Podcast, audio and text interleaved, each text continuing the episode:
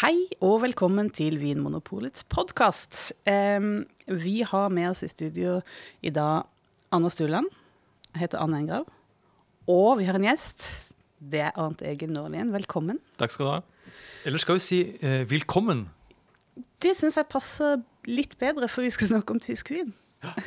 Ja. Og ikke hvilken som helst tysk vin. Det er jo kanskje selveste kronjuvelen. GG er det vi skal snakke om. Det er et tema. Mm. Det er litt sånn kryptisk, egentlig. Mm. Kryptisk, mytisk.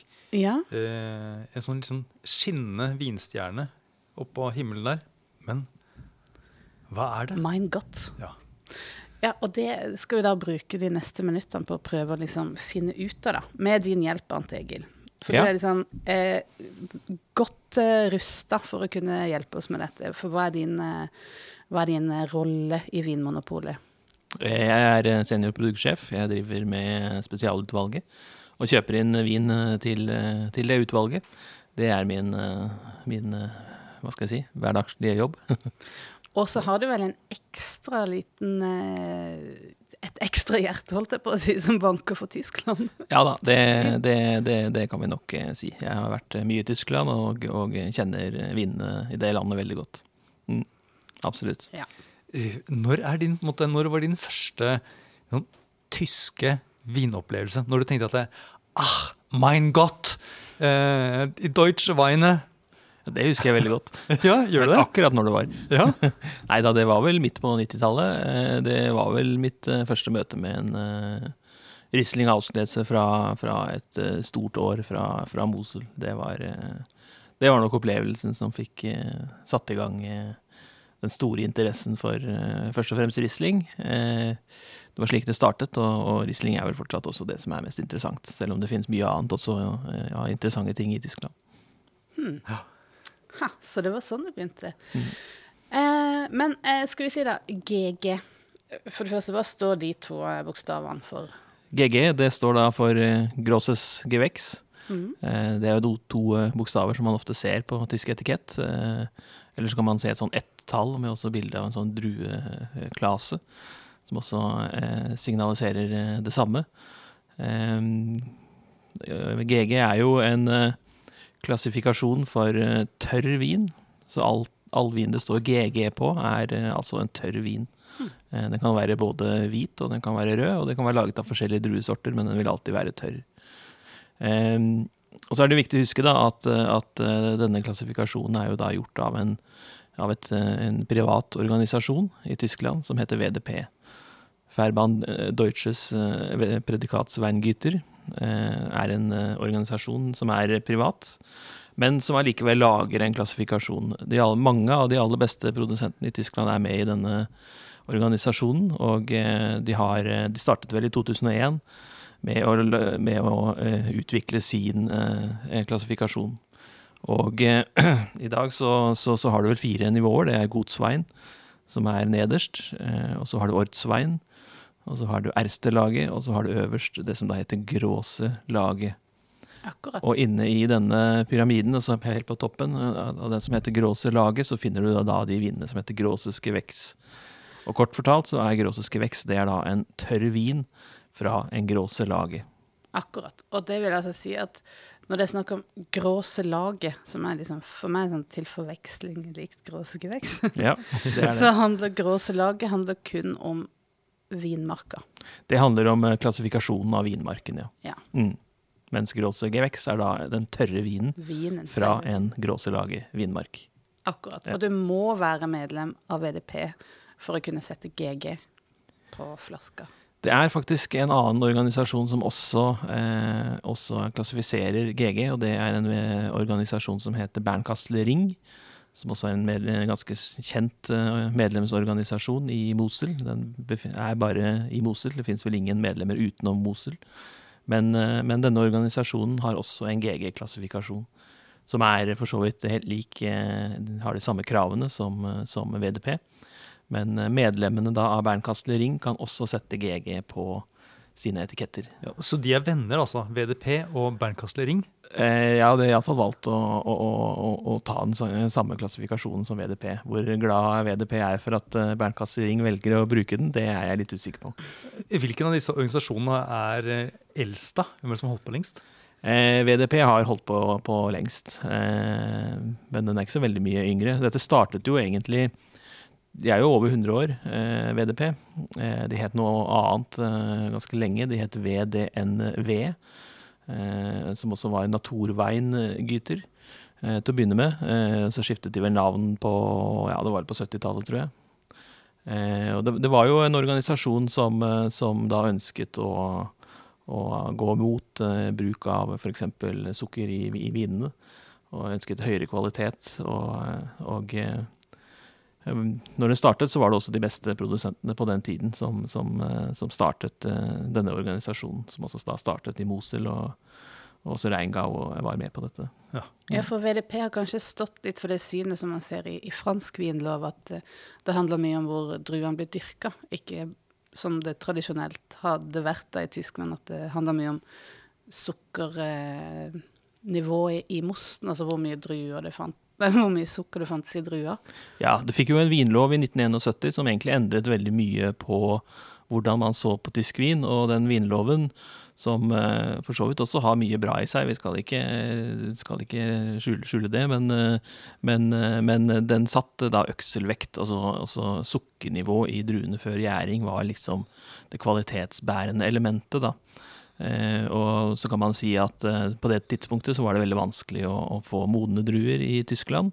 Sånn at det har jo en viss sammenheng, men på et eller annet tidspunkt så så var det veldig mange som syntes at det var ikke alltid det viktigste. Og man eh, ønsket å se på andre, andre modeller, da. Eh, jeg tror kanskje den aller første som egentlig startet med dette i Tyskland, var en person som het Frans Keller.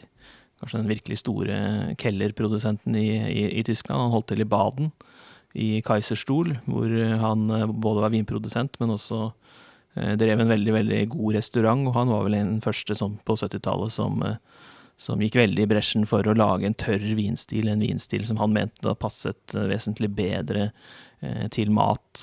Han drev jo en Michelin-stjerne-restaurant og var veldig opptatt av at da vinen skulle passe godt til den maten han også serverte. Mm. Så han laget mye tørr vin på 70-tallet, og da snakker vi også ganske veldig tørr vin, ofte under én gram restsukker. Så, så, var det jo da kanskje særlig eh, den personen som heter Bernhard Breuer, som jo tok, eh, tok den ballen litt videre. Bernhard Breuer var jo eh, først og fremst kanskje en forfatter. Han skrev veldig mye om tysk vin. Men så var han jo da også vinprodusent for den vinprodusenten som heter Georg Breuer, som holder til i Reingau. I 1984 så startet han og flere andre produsenter i Reingau en organisasjon som het Karta det vil si den startet vel så vidt i 83, men, eh, men 84 så ble den grunnlagt. Og Karta eh, laget eh, den første egentlige klassifikasjonen, eh, vinmarksklassifikasjonen i Tyskland, eh, hvor de da tok i bruk eh, gamle kart som utgangspunkt for den klassifikasjonen. Og deres toppnivå kalte de da Erstes Geveks. Hm. og i 92 så, så, så, kom da de første første vinene på markedet eh, med Erstes Geveks, og det var da en klassifikasjon gjort av vinmarken, og vinene skulle da være tørre. Det vil si de tillot vel opptil opp 14 gram restsukker, som ligger litt høyere enn en EU-kravet på en tørr vin i dag. Eh, så erstiske veks eh, var liksom den første klassifikasjonen. Men den fins ikke lenger nå? Nei, den gjør jo faktisk så gjør den det. Men så kom jo da Eh, VDP og VDP og, eh, og, Karta slo seg sammen, eh, så de aller, aller fleste produsentene av Karta gikk inn i VDP i 1999, var vel det. Og så kom VDP med sin klassifikasjon av tørrvin, Grosseske veks, i 2001. Som var den første årgangen hvor du fikk få finne dette på, på etiketten for de tørre vinenes del. Og da Eh, begrenset de bl.a. sukkernivået til 9 gram. Så, så ellers, ut, utenom det, så er, er eh, de forskjellige kravene til måten å lage vin på relativt likt, sånn som Karta grunnla det eh, den gangen. Eh, Men fortsatt i en periode så var det slik at eistiske Eiristiske Vex eh, levde side om side med, med, med da VDPs Gråsiske Vex. Og reingaveprodusentene de fortsatte å kalle sine tørre toppviner for reistiske uh, fortsatt i ca. ti års tid. Eh, mens i dag så, så har det på en måte blitt slik at alle kaller det Gråsiske Vex. Nå ser jeg da for meg eh, en møte på VDP, sånn, kanskje en vinkjeller eller en sånn stor stue. Med en peis, eh, svineknoke og sånt er fortært, og nå skal de da bli enige om forskjellige regelverk. Og det jeg lurer på, med mange sterke vinpersonligheter som er medlemmer i VDP, det må jo ha vært noen uenigheter eller krangling om på en måte eh, hva som skal være regelverket. Har du, noe, har du noen snacks? Vet du om noe sånt eh, som de har eh, diskutert? Nei, det har selvfølgelig vært veldig, veldig mye opp gjennom eh, tidene, og det har jo vært eh, også, også veldig mange unntaksregler de første årene. Eh, Blant annet så var det jo eh, kanskje mange produsenter som hadde plutselig kom i den situasjonen at de hadde f.eks. kun eh, Gråselaget i sin portefølje, og som de sa, de var jo også nødt til å, å ha et, eh, en portefølje hvor de også solgte litt rimeligere tørr vin, f.eks.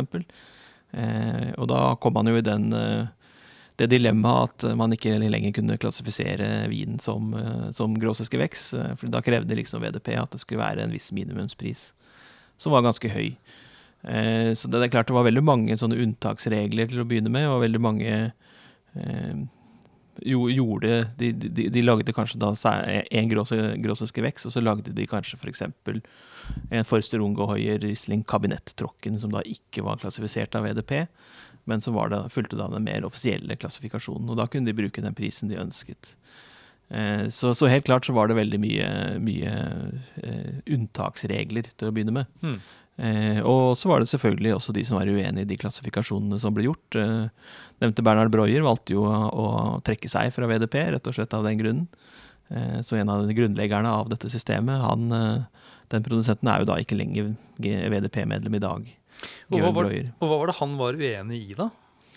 Nei, det var nok eh, Ryktet sier at han var uenig i den klassifikasjonen som ble gjort eh, av vinmarkene, men, men det var nok også andre uenigheter. Eh, Jeg vet blant annet jeg hadde møtte Bernhard Breuer en gang, og han døde dessverre i 2004, men, eh, men han eh, hadde nok et, en mening om at f.eks. ikke, ikke modningsnivået trengte å være alltid så høyt. Og det var nok en, en, en, noe som har vært også en endring i VDP. Og det går nok på en mentalitet eh, også hos mange tyske produsenter. De aller fleste tyske produsentene var jo vant til å produsere en vin med restsukker, og eh, hvis du skal produsere en vin med restsukker, så er liksom de beste druene kanskje de som er aller, aller mest modne, og de som er, har kanskje gjerne også eh, noe preg av botrytis. Og vi ser nok tilbake igjen i dag på at de aller fleste produsenter, eller veldig mange produsenter i hvert fall, når de begynte å produsere en, en topp tørr vin som var dyr, så, så gjorde de det med, med bruk av f.eks. botrytiserte druer. Noe som gjorde at vinen eh, kanskje over noen år ikke utviklet seg så veldig pent. Nettopp. Så det du sier, er at eh, på de eh, omtrent 18 årene det har eksistert eh, Grosses geveks, så har stilen endret seg litt, sånn generelt? Det- det Hvis vi vi det. snakker om Riesling? Eh, Riesling Grosses Vex har endret seg. Den var eh, rikere og mer oljete og kanskje ikke så klar frukt i de første årene. Og, og stilen, som, som jeg nevnte, lagret eh, også ikke så spesielt godt alltid. Eh, I dag så, så syns jeg nok at vi ser eh, mer framveksten av en mye syrligere og renere og mer lagringsdyktig stil, kanskje særlig etter 2010. Ja. Men det er vel også en ting dette med gråselaget, altså området de tar eh, druene fra. Eh, jeg har hørt en del kritikk som går på det med at eh, disse eh, områdene, som vi kjenner det fra vinmarker i Frankrike, de er jo ganske små, men gråslag kan være ganske stort område. Ja, eh, Så inndelinga av disse s- stedene eller vinmarkene kan sikkert også være en eh, under kritikk, da. Det, det er det, og, og samtidig så er nok det også en kritikk som VDP også delvis har tatt innover inn over seg. Eh, noe jeg har merket meg de siste ca. fem årene, er jo også at de har i større grad øh, begynt å, å eh, klassifisere deler av vinmarker. Så at du ser i dag f.eks., så er det jo da vinmarker som før f.eks. var klassifisert som Grosserlaget, har de faktisk gått tilbake igjen. Slik at i dag kan det f.eks. være bare mindre deler av denne vin, vinmarken som er klassifisert gråselaget, mens resten f.eks. er klassifisert Ersterlaget. Eh, så, så hvis, du, måtte også ser på, hvis du ser på listen over antall gråse laget i Tyskland i dag, klassifisert av VDP, så har den økt ganske kraftig de siste årene. Men det er, har økt i antall, men samtidig så har vinmarksarealet gått noe ned. Og det er fordi de har gjort akkurat dette. altså De har splittet mer og mer opp. Eh, og hvis du går inn på, De har en veldig fin hjemmeside i dag eh, som heter vdp.de. og Der har de også et vinmarkskart eh, hvor det går an å søke opp grensene for alle deres gråselag i dag. Ja, det er en veldig god side. Det er sånn, tysk, bare tyskere kan gjøre det så bra. Men jeg, jeg, satt en gang i en smaking hos en vinprodusent, og i den smakinga satt det også en journalist. Og dette er mange år siden, det var i 2007. Og da Jeg visste ikke hvordan jeg skulle uttale Grosse Gewächs, så jeg sa Grosse Gewäsch. Og, det, og da han slo seg på låret, eh, journalisten, og bare sa 'Der har du overskriften!' For det betyr da stort bla, bla. Altså stort tullball. Ja, ja, så jeg fikk en sånn smekk på fingrene. ja, nei, altså Framveksten av gråsuske veks uh, har jo, som jeg har vært inne på, vært, uh, vært uh, mye, mye, uenighet og vært en ganske lang vei å gå fram til man har kommet dit man er i dag. Men, men samtidig så, så, går det nesten ikke an å undervurdere den påvirkningen dette systemet har hatt for både kvaliteten og ikke minst for for framveksten av mye topp vin som har fått mye oppmerksomhet i, i pressen. Ja. Det er det helt klart. Ja, For det har virkelig fått en, en helt ny status har det ikke det, i vinverden? Ja, det tysk har det. Ja. Eh, hvitvin spesielt. Ja. ja. Og det er jo, når folk snakker om tysk tørr eh, toppvin, så er det jo grossiske vekst de snakker om. Mm. Faktisk så finnes det jo også en offisiell eh, klassifikasjon av eh, tørr tysk vin, som da heter classic og seleksjon, som eh, veldig få har hørt om. Ja, nettopp. Ja, for GG da tar jo eh, en del plass i en del vinfolks eh, hoder, og sikkert kjellere også, etter hvert. Eh, men er det sånn at eh, GG kanskje skyver disse her halvtørre, klassiske tyske vinene litt ut i kulden? Er det på en måte Får de mindre plass nå? Er det, tenker du at det har skjedd, og om det i så fall er riktig? Eh, til en viss grad så har nok det skjedd. Eh, men eh, så har det jo vært en endring, da. Og det er jo nå Du har jo den klassifikasjonen som er en vinmarksklassifikasjon med gråselaget på topp. Og i dag er det jo tillatt da, å, å, å også lage spetlese, auslese osv. fra en gråselage. Eh, til å begynne med så var det slik at toppnivået var eh, kun eh, forbeholdt tørr vin, men det er det da ikke lenger i dag. Eh, og det, det, det har, har, gjorde jo sitt til at f.eks. en region som Mosel, hvor det er mer naturlig å lage vin med litt restsukker, jo var litt, eh, var litt uh, tilbakeholdende i forhold til, uh, til VDP i, i, en del år. Uh, og f.eks. For fortsatt i dag så er, er det jo ikke noe Erste-laget-klassifikasjon i Mosel. De har en Gråse-laget, men de har ingen klassifikasjon av sine Erste-laget, f.eks. Uh, det kommer, så, så, det er jo fortsatt en prosess i gang, dette her. Mm. Men, eh, men eh, den har jo vært eh, kanskje litt bedre tilpasset f.eks. produsenter i Fals og, og, og Reinhesten, egentlig. Men er det ikke også sånn at uh, det, det, holder ikke bare å lage en tørr vin fra en gråselage for å kalle det en, en, GG. Det må være et modningsnivå som er uh, opp til spetlese tråkken? Altså, er det ikke ja, noe sånn? Det må være minimum spetlese, det er riktig. Mm. Druene må ha minimum den modningen. Og så kan det ikke ha en veldig høy avkastning heller? Nei, det er, det er visse krav. Også, disse kravene er jo også, hvis man er veldig interessert, så finner man de detaljert på, på VDPs hjemmeside. Men, men eh, det, det, finnes ganske spesifiserte krav til en grossiske vekst. Det, det, det, gjør det. Både som du sier, utbytte. Eh, all innhøstning må skje for hånd. Og eh, det, er også krav til hvordan man eh, vinifiserer dette i kjelleren. og eh, Selvfølgelig så er det også, også, krav til druetype. Det er bare enkelte druetyper som er tillatt brukt ja. i, i, GG.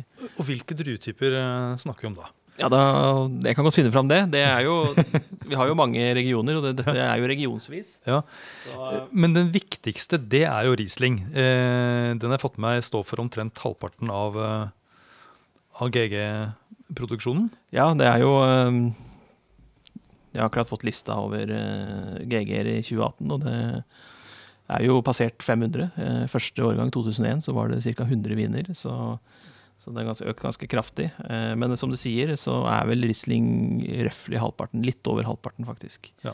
Men det er jo fremdeles da ganske mange som ikke er Riesling, da. Ja, det er kanskje overraskende. Ja, litt overraskende, fordi Riesling får jo, har jo fått mye omtale og er en populær druetype, i hvert fall i Norge. Mm. Eh, her er altså tillatt eh, druer i, GG. Det er da i Ar, spetburgunder og friburgunder. I Baden så er det Riesling, eh, Weissburgunder, Grauburgunder, spetburgunder og Chardonnay. Eh, og Lemberger delvis, altså den druen som heter Blaufränkers. Oh, ja. I Franken så er det Riesling, Silvaner, Weissburgunder og Spetburgunder. Hessische Bergstrasse, Riesling, Weissburgunder, Grauburgunder og Spetburgunder. Mittelrhein, kun Riesling og Spetburgunder. Og Mosel og Na, kun Riesling. Fals, Riesling, Weissburgunder og Spetburgunder. Reingau, Riesling og Spetburgunder. Det samme i Reinhessen. Mens Zalo Onstrot, den vesle regionen i eh, gamle DDR, kan faktisk lage både Riesling, Weissburgunder, Grauburgunder, Spetburgunder, Friburgunder, Traminer og Silvaner. Hjelpes. Ja, verden. Det er et spennende sted, da. Ja, og Saksen, Riesling, Weissburgunder, Grauburgunder, Spetburgunder, Friburgunder, Traminer. Til slutt Wirtenberg, Riesling, Weissburgunder, Grauburgunder, Spetburgunder og Lemberger. Akkurat. Det er, Jeg skulle eh, likt å smake en Lemberger GG, egentlig. Ja, det har, jeg, har du prøvd det, Arnt Egil? Absolutt. Ja, Eh, Absolutt, ja. Ja da, det er jo da særlig i i Wirtenberg eh, man finner dette. Nesten utelukkende, faktisk. Eh, der dyrker de mye Lemberger, ja. Ja. Absolutt. Fordi bladfrenkers syns jeg er jo, kan være ordentlig godt. Mm. Eh, er det ordentlig godt i Tyskland også? Det finnes absolutt topp topp bladfrenkers i, i, i Tyskland, ja. Det Ja. gjør det. Så det er altså eh, røde og hvite viner, da, for å ta det sånn kort. Det er røde og hvite, det er ikke noe eh, rosé, og det er heller ikke, heller ikke musserende eller sekt der altså, i, i, i denne klassifikasjonen. Men med den, nå sporer jeg kanskje litt av, men Mm. den oppblomstringa som uh, sekt har hatt i Tyskland, så er det kanskje en gang i fremtida vil det bli en mulighet å ha gråselaget, altså GG-sekt. Ja, altså, i, I dag så har liksom all klassifika klassifikasjon av sekt vært eh, ganske separat. Eh, sekt har jo alltid vært en veldig stor, eh, stor eh, ting i Tyskland. Altså, tyske, det tyske folket er jo, er jo den, den, det landet i verden som drikker mest eh, musserende vin. Eh, Helt klart. Det er, sånn har det alltid vært. De er veldig veldig interessert i musserende vin, og, og, og det produseres veldig store mengder musserende vin i Tyskland. jeg tror faktisk at Tyskland ligger på europatoppen i eh, kvantitetsprodusert, men ikke alle druene kommer fra Tyskland. Det kan nok være riktig. Ja. Nå tenkte jeg ikke på produksjon, men eh, eh, de som drikker uh, sekt, eller Ja. musserende vin, Ja. så, så, så er det høyeste gjennomsnittet per person i verden er i Tyskland. Jøss. Ja, GG-sekt, hvorfor ikke? Ja, hvorfor ikke? Ja. Jeg heier på det. Mm. Men rosésekt det ligger kanskje litt lenger fram i tid. Det gjør nok det. Rosé er nok ofte tenkt eh, som en mer hverdagsdrikk, og kanskje ikke eh, så veldig noe man skal lagre så veldig lenge. Det er jo slik at eh, ingen av vinene man slipper på markedet, kan jo da slippes før eh, 1.9. året etter for, for viktig. hvitvin, og eh, enda et år for rødvin. Og hva, hva er grunnen til det, eh, bortsett fra at det liksom gjør ting litt spennende? At det holder folk liksom på pinebenken? Det er, nok, det er nok to grunner til det. For det første så, så tenker man vel den tanken at eh, vin som eh, har en viss kvalitet, uh, skal ligge litt lenger i, i, i kjelleren. eh, og sånn sett eh, fortjener å, å, å komme på markedet litt seinere, kvalitetsmessig. En annen eh, grunn er nok at eh, VDP også ønsker eh, veldig fokus på at eh, alle disse vinene skal bli tilgjengelige på et tidspunkt. Mm. Og slik sett skape en liten sånn happening eh, med dette her. Eh, og slik sett så, så er det sånn at Erste-laget skal, kan komme på markedet da 1. mai, året etter høsten, og eh, eh, 1. september da for, for gråsiske veks, eh, for de hvite vinene. Og så er det ett år til da for, for de røde. Og nå nærmer vi oss eh, 1. september, faktisk. Det gjør vi. Og du skal vel snart på en sånn eh, en stor smaking, skal du ikke det? Ja, det er riktig. Eh, 25. til 27. Så, så inviterer da VDP eh, ganske mange viktige journalister og andre som eh, er interessert i dette, til Wiesbaden for en stor smaking da, av eh, så å si alt som slippes av, eh, av Grossiske Vex. Eh, Der pleier jeg å være hvert år, og dit skal jeg i år. Og eh, jeg skal smake alt. Og da snakker vi da om hvor mange viner da omtrent? Ja, det er eh, drøyt 500. Drøyt 500 viner, Ja. og det vi vet er jo at eh, tysk, eh, spesielt hvitvin, har jo ganske mye syre. Ja.